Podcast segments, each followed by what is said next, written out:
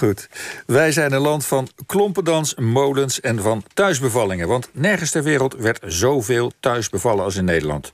Zo was het in elk geval vanaf diep in de jaren 50. Maar het begint te veranderen. Menig aanstaande moeder kiest tegenwoordig voor het kraambed in het ziekenhuis. Dat zou veiliger zijn. Hoogste tijd dus om die traditie vast te leggen, vast te leggen vonden twee verloskundigen en een kraamverzorgster. Zij droegen het thuisbevallen voor als zogeheten immaterieel erfgoed. En dat deden ze met succes. En een van deze drie pleitbezorgers is nu hier verloskundige Veerle Takes. We praten met haar en met Anke de Jong, de, nou ja, de bij, nou ja, kerstverse, al een jaartje lang weer hoogleraar verloskundige wetenschap aan het UMC in Amsterdam. En we gaan met jullie praten over verleden en toekomst van een ooit zo vanzelfsprekende mooie Nederlandse traditie. Ja. Allebei welkom. Veerle, uh, dat idee om dit voor te gaan dragen als immaterieel erfgoed, het thuisbevallen. Je werd een keer wakker en dacht, dat gaan we doen? Um, nou, toen ik erachter kwam uh, dat dit bestond, toen dacht ik eigenlijk meteen aan de thuisbevalling. Ja. Um, allereerst dank dat ik hier mag zijn en uh, over de thuisbevalling mag praten. Het gaat me heel erg aan het hart. Ik ben verloskundige en zo heb ik natuurlijk heel veel thuisbevallingen meegemaakt.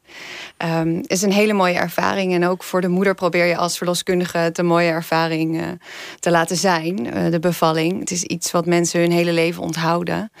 Um, en de thuisbevalling uh, vind ik dus als verloskundige een hele goede keuze. En voor Nederland is het heel belangrijk en bijzonder dat wij die keuze hebben. Je kunt in Nederland kiezen tussen een thuisbevalling of een ziekenhuisbevalling. En dat kan in de rest van de wereld niet. En daarom is het zo typisch Nederlands. En dat zag ik en dat zag ook mijn collega Tom Kreuning, verloskundige in Alkmaar. En Manon Aoué, uh, kraamverzorgende. En samen hebben we dus een plan geschreven om het daadwerkelijk immaterieel erfgoed te laten worden. Ja, en dan wordt het immaterieel erfgoed. Het is aanvaard, hè? Ja, toch? Klopt. Door een commissie. Ja. En daarin zit bijvoorbeeld ook de Zuid-Limburgse rijdans... is cultureel uh, immaterieel erfgoed, de Nederlandse folkloredans... het Surinaamse, uh, Afro-Surinaamse afwegrituelen... Uh, dus het is mooi dat jullie erop staan. Maar jullie willen ook nog meer, geloof ik. Je wilt ook op de UNESCO-lijst. Wat ja, is dat zeker. voor lijst en waarom is dat belangrijk? Um, nou, wat we uh, wat we graag willen met de UNESCO-lijst is dat we verder kunnen gaan hiermee. En dat we onze Hollandse thuisbevalling ook wereldwijd uh, bekend uh, maken. Omdat het echt alleen in Nederland bestaat. Het systeem is zo typisch Nederlands om met een verloskundige en een kraamverzorgster thuis aan te komen voor de bevalling. en dat willen we graag natuurlijk wereldwijd gaan uiten. Maar nu eerst gaan we ons ook wel richten op Nederland. Want we willen ook heel graag dat veel meer mensen horen over de voordelen van een thuisbevalling. Ja. Is, is het nou zo dat die UNESCO-lijsten, dat is een soort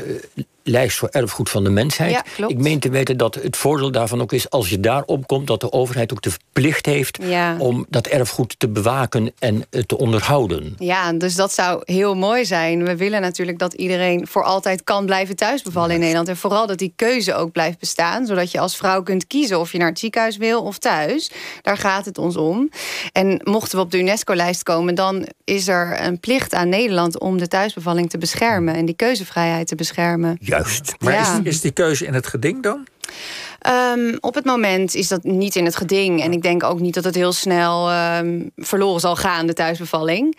Maar we zien wel dat het iets afneemt. Um, dus daarin is het wel mooi om er wat meer aandacht op te vestigen. En ik denk dat ik voor al mijn collega's kan spreken waarmee we dit samen hebben gedaan. Is dat we vooral zien dat uh, mensen wat minder tijd nemen om echt te kijken wat hun keuze is. En om te zien wat bij hun past. En vrij snel wordt gekozen om naar het ziekenhuis te gaan. Omdat ze zo min mogelijk risico willen nemen. En het voelt veiliger. Maar de werkelijkheid is eigenlijk dat het even veilig is. We, we komen er dadelijk nog even op terug. Ja, oh, leuk. Vinden. Want uh, de, het is inderdaad het geval, naar het schijnt, dat, dat thuisbevallen ernstig afneemt in vergelijking met in het ziekenhuis bevallen. En daar zijn oorzaken voor. Daar komen we dadelijk hopelijk nog even op terug. Maar laten we even toch ook een moment bij die geschiedenis van de thuisbevallen staan. Ja. Want als het inderdaad zo typisch kenmerkend Nederlands is, um, hoe komt het dan? Dat gaan we allemaal vragen aan Anke de jongen, die dus als hoogleraar volkskundige wetenschap dat allemaal weet. Maar voordat we het daarover gaan hebben, gaan we even luisteren naar een moment een, uh, waarin wordt benoemd, een moment, een, een, fragment uit de jaren 60, dat dit typisch Nederlands is. Luister. Ik vind het mooiste van mijn hele leven wat ik meegemaakt heb, dat is die vijf kinderen krijgen en dan die kraamverzorging in huis. Heerlijk, gezellig, leuk. Nou, geef mij dan maar de huisbevalling. Professor Dr. Kloosterman ziet de bevalling thuis als een stukje folklore. Ik bedoel er eigenlijk dit mee dat de gewoonte om thuis te bevallen in Nederland wel heel typisch gebonden is aan ons volkskarakter en aan zijn nationale gewoontes. Ja, een stukje folklore en nationale gewoontes. Ank de Jonge, wanneer begint dat thuisbevallen in Nederland? Is dat sinds de jaren 50 of is dat al ouder? Vertel. Nou, het is eerder andersom. De hele wereld werd thuisbevallen natuurlijk. En uh, op een gegeven moment zijn in heel veel landen zijn mensen in het ziekenhuis gaan bevallen. En in Nederland is dat veel later gekomen. Nu zie je dat wel wat meer, maar wij hebben het veel langer volgehouden, zeg maar. Om ook thuisbevallen als een uh, goede optie te zien. En hoe komt dat dan, dat wij het langer volhouden? Is dat een kwestie van dat we het zo belangrijk vinden? Als je mevrouw zegt, gezellig, mm. thuis, beschuit met muisjes en zo meer. Maar wat zit daaronder? Ja, er zijn waarschijnlijk allerlei redenen voor. Ja, het is altijd moeilijk, hè? moeilijk om te zeggen van nou, dat is één ding. Er is ook wel wat over geschreven, ook door uh, mensen die daar verstand van hebben, sociologen en zo. En men denkt dat het toch ook iets te maken heeft met dat wij heel veel dingen thuis doen. Hè? Wij vinden thuis een belangrijke plek. Uh, wij ontvangen ook bezoek thuis. Uh, we sterven misschien vaker thuis. we doen dingen thuis. Ja. dus dat, ook iets van Um, een beetje doe maar gewoon, doe, maar, doe je al gek genoeg. Hè? Als het thuis kan, waarom zou je naar het ziekenhuis gaan? We hebben ook wel uh, vanuit de overheid is het lang uh, gestimuleerd om, uh, om thuis te bevallen.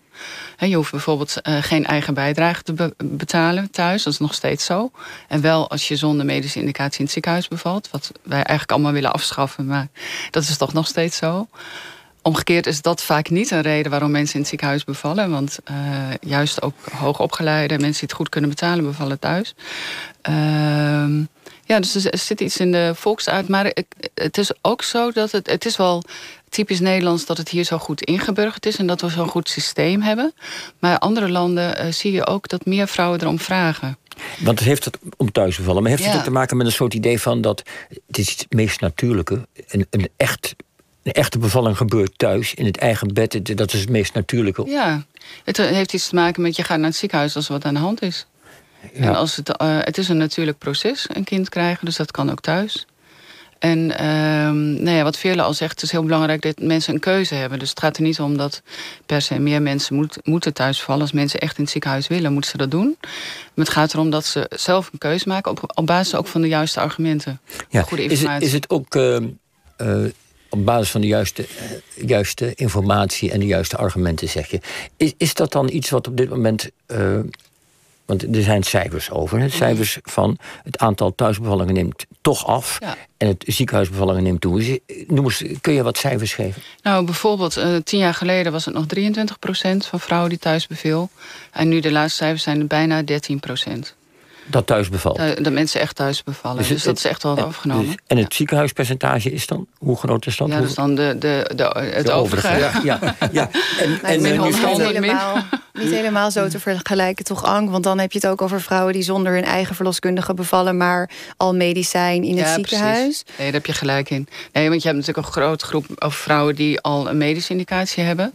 Dus die zijn al in het ziekenhuis onder controle. En die, ja, die bevallen in principe natuurlijk in het ziekenhuis.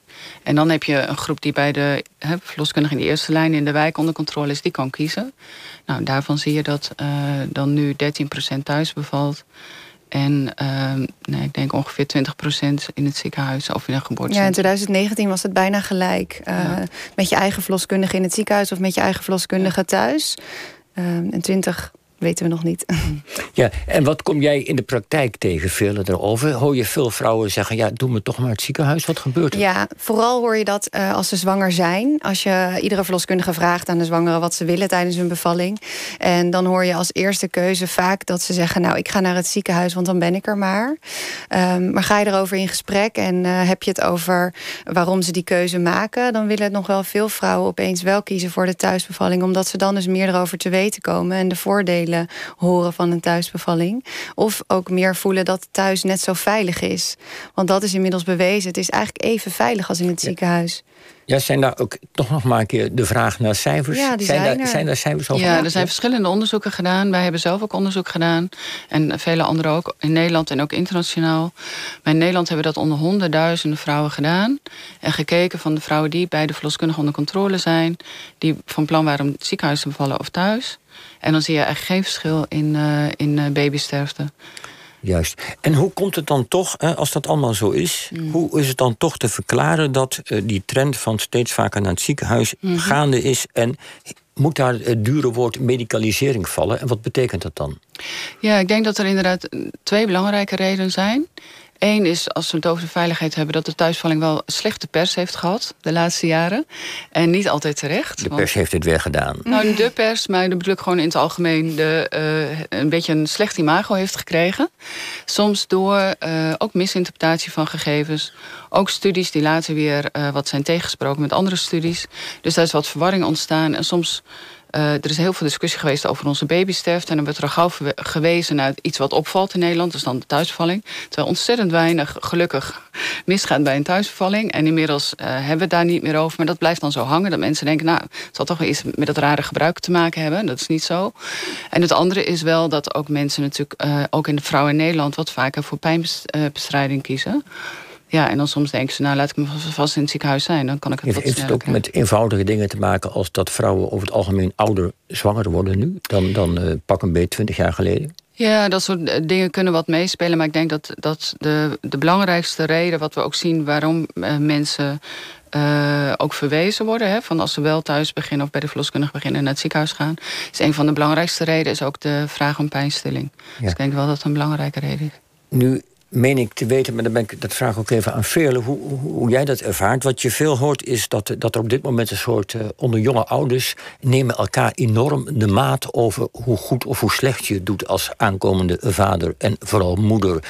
Is, is dat iets wat je ook tegenkomt in, het, in jouw praktijk, dat, dat uh, mensen bang zijn dat ze het verkeerd doen ja. in de ogen van andere moeders? Ja, dat zien we wel. Vooral de laatste paar jaren uh, merk je dat mensen um, heel veel uh, denken over risico's en zo min mogelijk risico's willen nemen.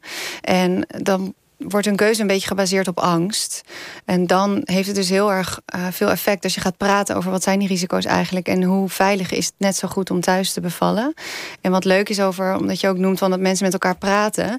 We zien eigenlijk de laatste tijd uh, de trend helemaal omkeren. Er wordt veel meer gepraat over natuurlijk bevallen, over thuis bevallen. En dat lijkt opeens nu de verantwoordelijke keuze, de goede keuze, omdat er ook zoveel meer gepraat wordt over de voordelen daarvan. Dus we zien die trend wel veranderen. Jullie hebben het gevoel dat die trend ombuigt? Ja, zeker. Je ziet dat vooral bijvoorbeeld op social media. Er wordt echt heel veel gedeeld. De mooie verhalen van thuisbevallingen. De kracht van iemands thuisbevalling.